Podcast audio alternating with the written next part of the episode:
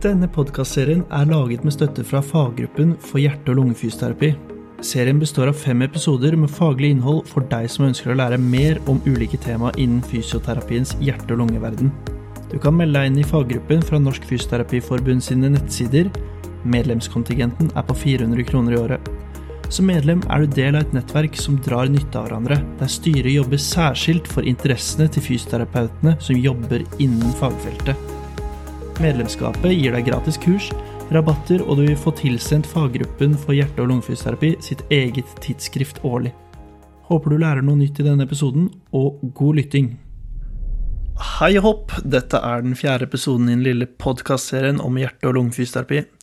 Dagens tematikk omhandler EILO, Exercise Induced Laryngeal Obstruction.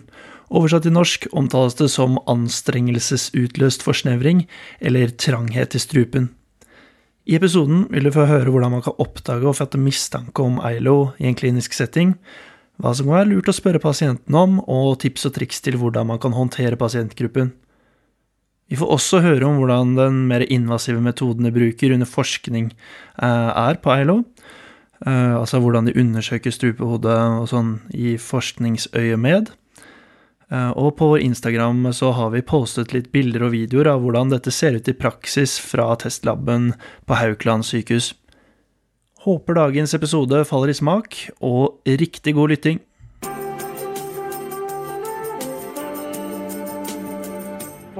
Ja, da er det klart for en ny episode med Fysiopodkast. Og i dag så er jeg så heldig å få besøk av to veldig flinke folk her i studio. Og det er deg, Hege, og det er deg, Håkon. Og aller først, før vi begynner å snakke om temaet vi skal snakke om i dag, nemlig EILO, så er jeg jo litt nysgjerrig på hvem dere er egentlig. Hege, vi begynner med det. Ja, jeg heter Hege Klem, og jeg jobber som klinikkoverlege på barne- og ungdomsklinikken. Dvs. Si at jeg er barnelege i bunn. Jobber nå mest administrativt på barneklinikken. Men i tillegg til det så er jeg også idrettslege med sånn sideutdannelse i det. Um, og, ikke bare det. Nei, nei, ikke bare det. Uh, og jeg jobber da også i Olympiatoppen, har gjort det i syv år nå. Uh, og da jobber jeg generelt med idrettsutøvere. Um, I tillegg så har jeg også uh, Jeg sitter i styret for Norsk idrettsmedisinsk forening. Mm. Uh, og jeg, har, uh, jeg er også leder for Bergen ILO Group, som da handler mye om forskning på strupen og EILO. da. Mm. Uh, og i forbindelse med idretten og dette at jeg er opptatt av luftveier, så fikk jeg plass på en sånn IOC-konsensus, altså det er en ekspertgruppe i IOC som ser på retningslinjer eller guidelines for idrettsutøvere og pust. Altså pusteproblemer. Mm. Veldig mye god kompetanse i deg, med andre ord. Og så har vi jo òg Håkon med oss. Hvem er du, da? Ja, øh, jeg, jeg, er jo fysioterapeut i bunn. Jeg har, har, studert her i Bergen. Og har siden da egentlig vært tilknytta Energisenteret og forskningsmiljøet tilknytta Haukeland. der jeg nå har en stilling som går delvis på forskning på EILO. Og delvis på det som man kan kalle koordinerings- og kvalitetsansvar på hjerte-lungetestlabbene her. Som også går tett innunder EILO-forskningen også, og andre viktige områder som vi driver med forskningsarbeid. I tillegg så tar jeg også en, en master som jeg straks er ferdig med. som går, Oppgaven går jo da naturligvis på EILO, som er arbeidsfeltet. Og så ja, er kanskje det det ja, I tillegg så går jeg også på eh, Norges handelshøyskole og tar litt fag der. Mm. Mm. Mye forskjellig med dere to, altså. eh, og nå, Dere begge har jo nevnt EILO noen ganger, og det er jo derfor jeg har invitert dere inn i dag. For jeg er litt nysgjerrig på hva det er for noe. Så Håkon, hva er EILO? Hva står det for, først og fremst? ja, eh, EILO på, på, norsk er jo anstrengelsesutløst inspiratorisk obstruksjon i Ja. strupen, eller larings. da. Og det nevnte jo du, Hege, litt. At du har eh, gjort mye på strupe og pusteproblem egentlig i forbindelse med strupen. Kan du forklare litt videre? Hva er det egentlig EILO er? Hva er LOE? Ja. ja, altså det står jo for 'exercise induced laryngeal obstruction'. altså Som Håkon sa, altså at strupen lukker seg under anstrengelse når man puster inn. Eh, og da får man jo naturligvis pusteproblemer. Og så er det sånn da at det, det vi har jobbet mye med, er å endre på en måte forståelsen av hvordan man tenker rundt pusteproblemer. Fordi astma er jo noe som er veldig kjent for de fleste. Ja. Og får du pusteproblemer under anstrengelse, så er det veldig lett og fort å tenke at dette her er astma. Ja. Eh, Og anstrengelsesutløst astma. Svært mange som får den diagnosen. Um, men så viser det seg at medisiner virker ikke, eller de virker kanskje litt, og så blir jeg litt usikker på dette her. Um, fordi at medisiner eh, virker ikke på EILO. Nei.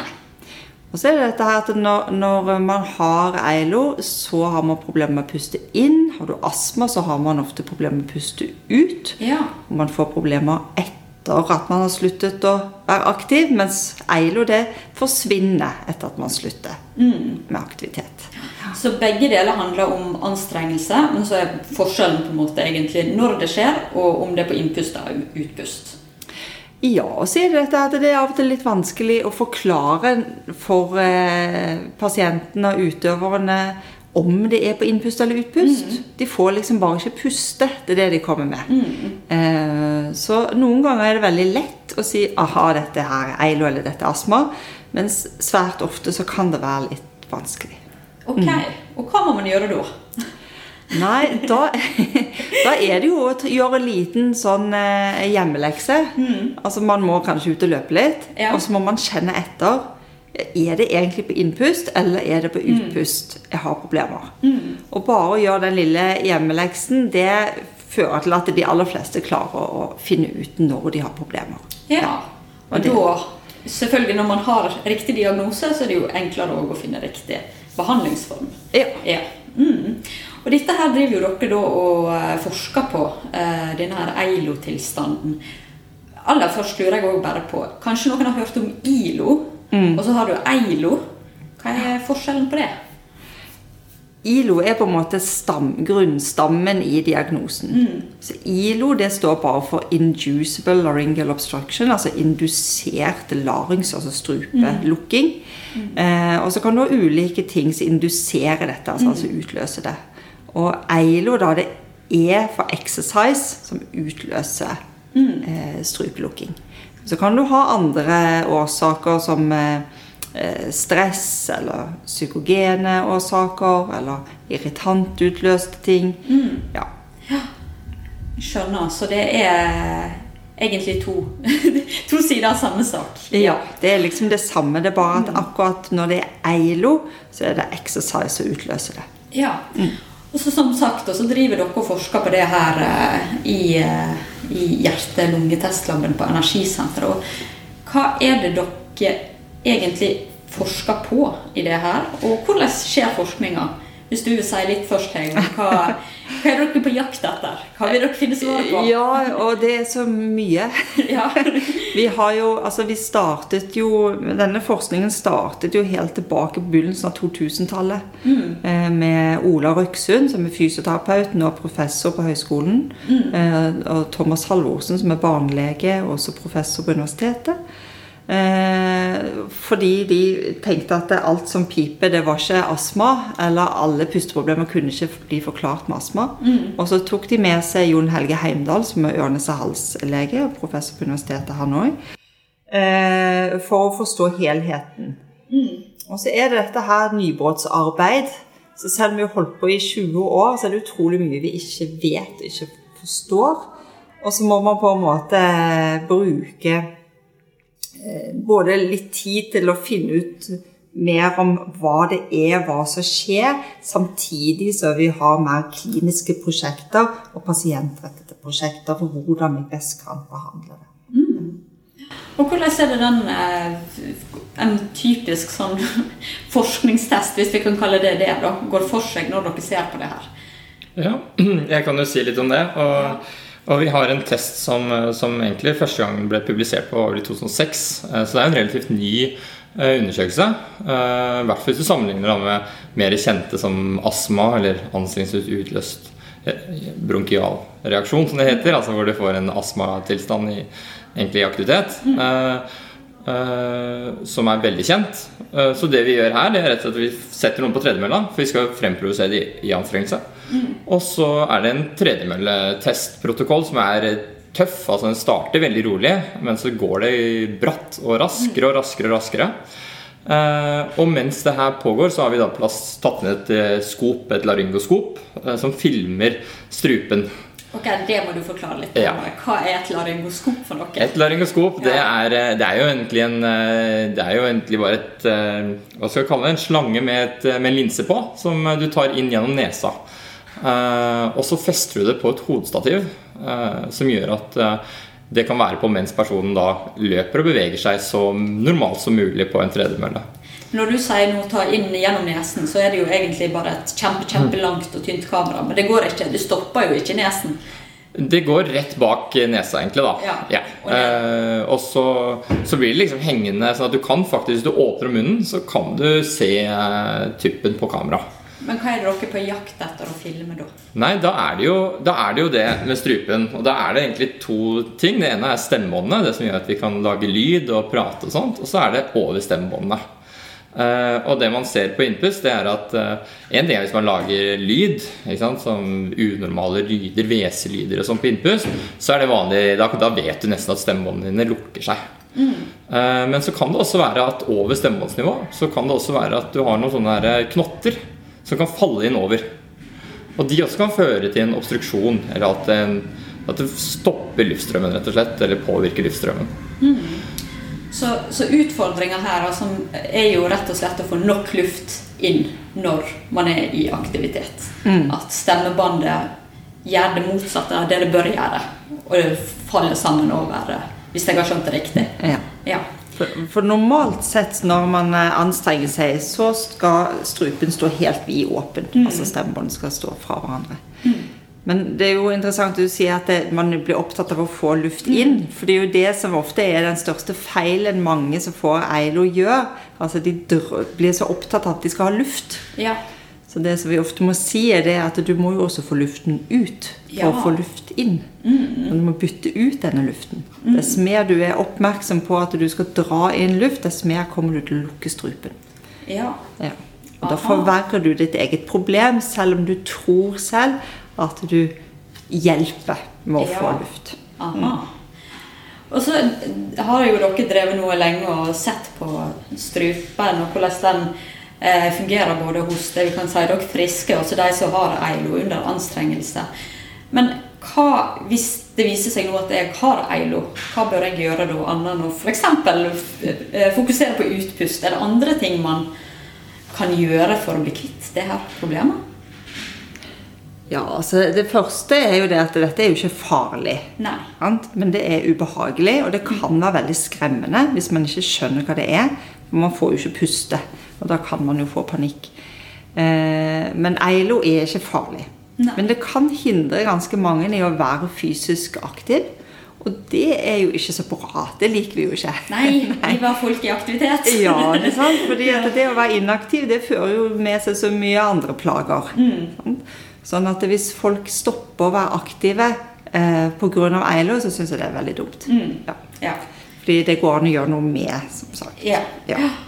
Og for eksempel, da eh, For eksempel da eh, så kan du på en måte eh, gjøre noen veldig enkle ting selv. Prøve på. Prøve å fokusere på utpust og bare la innpust komme av seg selv. Um, det ser man når man tester idrettsutøvere som er veldig flinke. De fokuserer faktisk på utpust. Jeg vet ikke om jeg skal demonstrere det her, eller, eller Du kan få prøve. prøve? Ja. Ja. Fordi hvis, eh, for Dette gjør ofte overfor pasientene at det de, veldig mange har hørt noen som løper sånn som dette her. De fokuserer på innpust, og da høres det sånn ut. Sant? Fordi man er opptatt av å dra luften inn.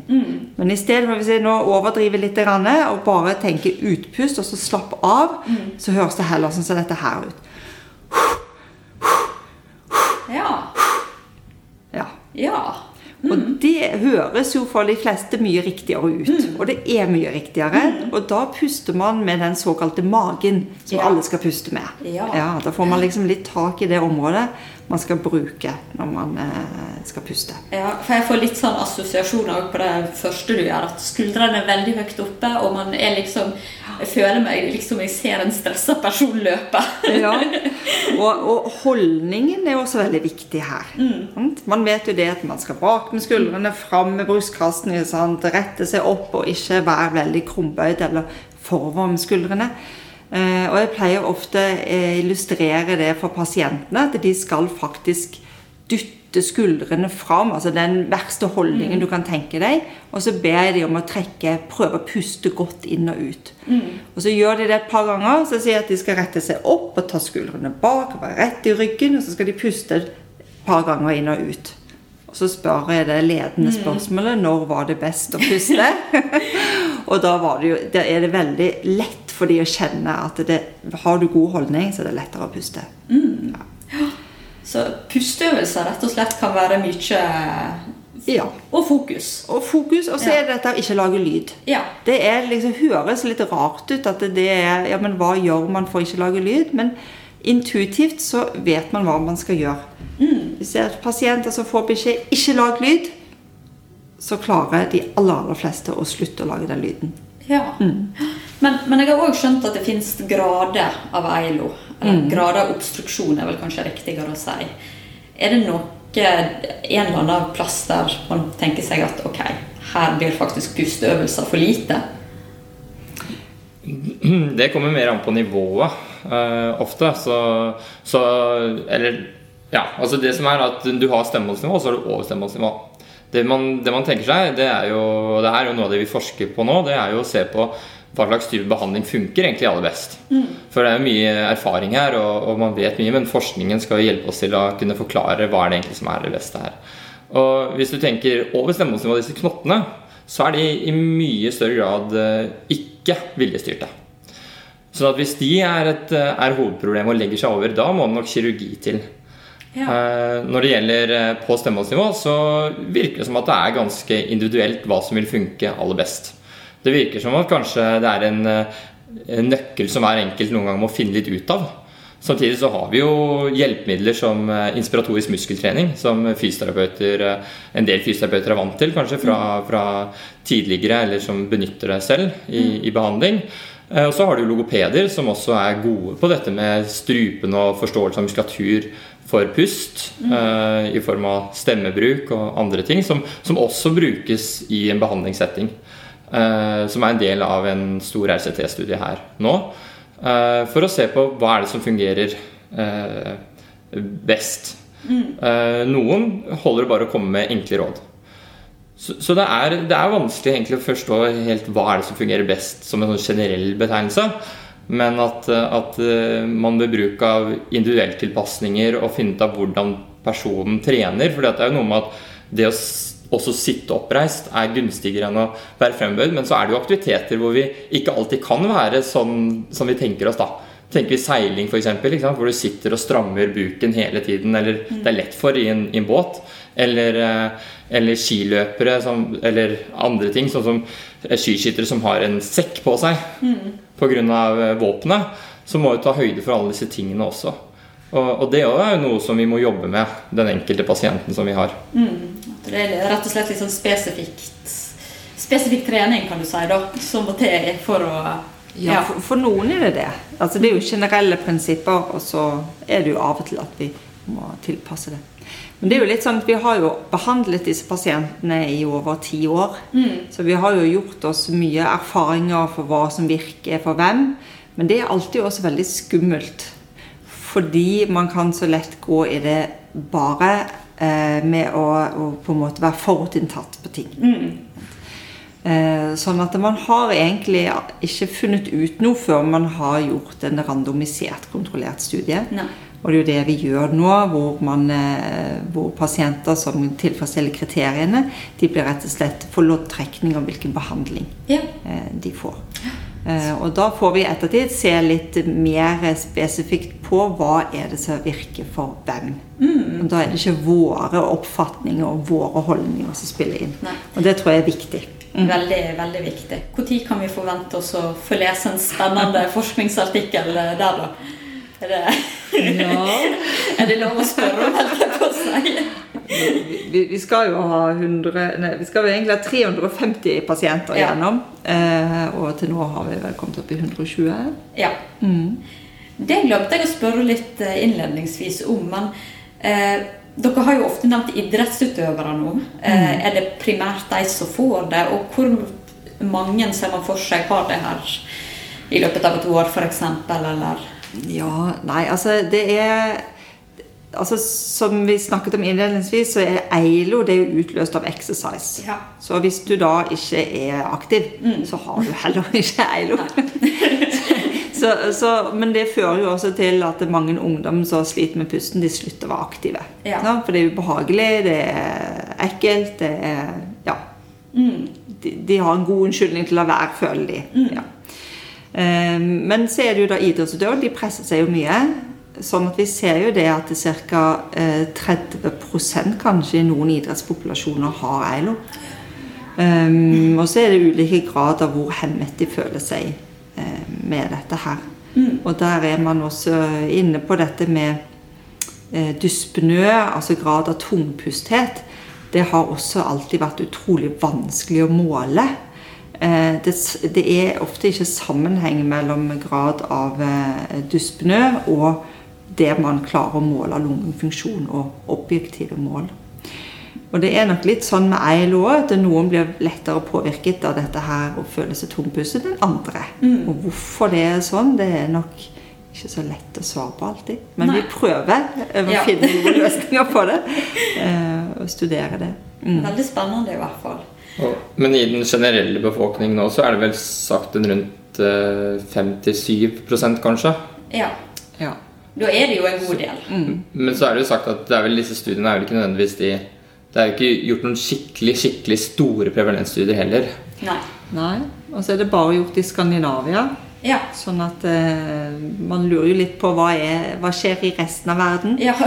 Men, men, eh, men allikevel så eh, Når en er ute og snakker om dette her, eh, og forklarer og viser hva det er du, du har alltid noen i salen som kjenner seg igjen, og som har dette her. Og derfor de ikke kan jogge og trodde det var astma etc. Sånn at jeg, jeg får alltid inntrykk av at det er flere som har det, enn det disse prevalensstudiene viser. Da. Ja. Men hvis jeg da nå eh, er en fysioterapeut ute i kommunen f.eks. og har noen jeg kanskje har mistenkt har vært astma, men så hører jeg i dag at hm, kanskje jeg må høre om det er innpust eller utpust f.eks. Eller andre årsaker jeg mistenker enn EILO. Hva, hvordan går man fram? Hva er det man, må man ta kontakt med noen, eller eh, hva tenker dere rundt det? Eh, først og fremst er det jo sånn som vi har vært inne på, kanskje finne ut av er utføring på innpust eller utpust, eh, og i hvilken sammenheng er det. Mm. eh, og, og da selvfølgelig at det burde være i, i anstrengelse at disse utfordringene oppstår. Eh, Så er det jo egentlig å ta kontakt eh, videre for å bli utreda i første gang kanskje for det som eh, Eller at man i hvert fall får sjekka lungefunksjon, hvis man ikke har gjort det tidligere. Eh, For det er viktig å ta sånne differensialdiagnostikk, altså denne testen som jeg snakker om med skop. Og, og det er jo ventelister der òg, sånn som alt annet. Og det er også det at det er ikke noe poeng å ta en sånn test hvis det ikke er der Hvis, du blir, hvis det hjelper med medisiner, hvis det, hvis det skulle være indikasjon for å ta det. Eh, Men som sagt, ofte er det en kombinasjon, og da er det jo å komme videre, bli henvist videre til, eh, til eh, klinikk her, da. Så det er rett og slett veien eh, å gå. Uh, ja. Ja, nei, altså det som er mitt som prinsipp, det er det at de aller fleste må få tatt en vanlig lungefunksjonsundersøkelse hos fastlegen. Så å si alle fastleger har mulighet for å ta en vanlig spirometri. Ja. Og det bør, det bør foreligge dem ved henvisning. Ja. Ja. Fordi at da tenker dere at hvis en spirometri er normal, eller nei? Nei, det er på en måte et minimumsundersøkelse Ja, okay, som vi krever. ja, ja. Eh, sånn at det bør foreligge. Jeg syns eh, ja. Ja. Eh, Ikke alltid at de gjør det, Nei. men, eh, men det, det bør egentlig være en sånn standardundersøkelse. Ja. Og så som fysioterapeuter så kan man jo, vet man jo mye om kroppen og holdning og trening og sånn. Og det å få på en måte god tak i bevegelse av brystkassen og passe på holdningen og at man puster på en måte riktig, da. Mm. Det kan være en fin vei å prøve. Og en må ikke henvise noe sted før, altså, før man prøver det. Nei. Nei. Nei, det er jo et godt poeng. Ja.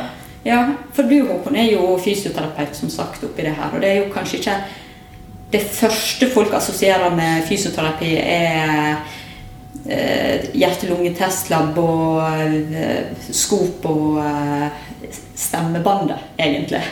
Hva, hva nytte tenker du på en måte fysioterapi har oppi det her? Nei, ja.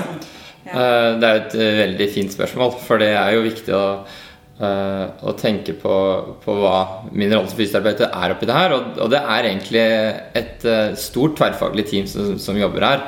Eh, Og som fysioterapeut så er det nok en veldig viktig medspiller til å nettopp jobbe med forståelse av hvordan vi som For det første viktigheten av fysisk aktivitet. Hvor er det egentlig grensene går her? Hva er det den helhetlige forståelsen oppi, i det, hvordan vi skal møte noen som trener i, i konkrete miljøer, eller som er aktive på skolen, om det er gym eller om det er eh, på fjellet. Altså det å kunne se hele den, eh, den konteksten og, og finne tiltak som er retta inn mot det. Eh, der, eh, der har man som fysioterapeut en viktig rolle. Eh, samtidig så er det eh, det her med å kunne rådføre seg med flere eh, i, en, i en behandlingssetting hvor, hvor man nettopp ser på dette med, med eh, holdninger, eh, som egentlig er en sentral del av utdannelsen vår. Eh, ja, og at vi også er modige til å ta eh, eh, en posisjon i viktig forskningsarbeid som pågår, for det er jo mye av det i andre settinger òg. Og, og at vi viser at vi faktisk er viktige bidragsytere eh, der. Eh, Så generelt er jo også veldig, veldig viktig her også, på Eilo-biten. At vi Ja. Mm, ta litt eierskap, rett og slett. ja. Ja, ja. ja men veldig bra. Eh, er det noe mer dere har lyst til å tillegge om Eilo og eh, forskningen dere holder på med? Det, det viktigste er kanskje å huske på at, eh, at, at vi, må, vi må gå inn i de konkrete Hvis du møter noen da, som har, eh, som med puste, pustevansker eller pustebesvær, da, så, må vi, eh, så må man ikke med en gang bare tenke medisin, medisiner. Eh, Gjerne prøve å utfordre personen på å, å være aktiv fremdeles og jobbe med, med de ting man kan jobbe med. Og, og det er ofte ganske mye i en, i en aktivitetsform. Uh, ja. Så er det jo vanskelig å gå for mye inn på det, for det vil jo være veldig individuelt. Eh, men eh, samtidig så er det holdninger, ikke lage noe lyd. Mm. og ja. Det er kanskje det aller viktigste å begynne med. Ja. Jeg har et eh, Jeg bare kom på det nå. Jeg tenkte på det litt tidligere når vi snakket om inspiratorisk muskeltrening. Sant? Og en del fysioterapeuter kanskje holder på med det. Eh, men der skal man være litt oppmerksom. Fordi at eh, noen blir faktisk verre av det. Sånn at man må vite litt hva man gjør, og kanskje hos noen eh, ikke kjøre på for lenge eh, før man kanskje har fått undersøkt strupen hos disse pasientene. Og så eh, tenker jeg òg at til podkastepisoden så limer vi inn noen av linkene til noen av de artiklene dere har eh, mm. ut. Og så eh, har dere en ganske fin nettside òg som eh, vi kan lenke til. Ja. Hvis folk vil lære mer om mm. Eilo på et litt mer eh, detaljert nivå enn i dag. Og da kan jeg si at akkurat nå så har det kommet ut en eh, artikkel i British Journal of Sports Medicine, som er skrevet sammen med IOC, en sånn gruppe der, eh, som går på eh, Eilo og idrettsutøvere. En sånn oversiktsartikkel. Eh, og så kommer det nå i mai ut en ny medisinsk konsensus for hvordan man skal håndtere pusteproblemer hos idrettsutøvere. Ja, Den kommer også i British Journal of Sports Medicine. ja så spennende. Gratulerer. Jo, takk for det.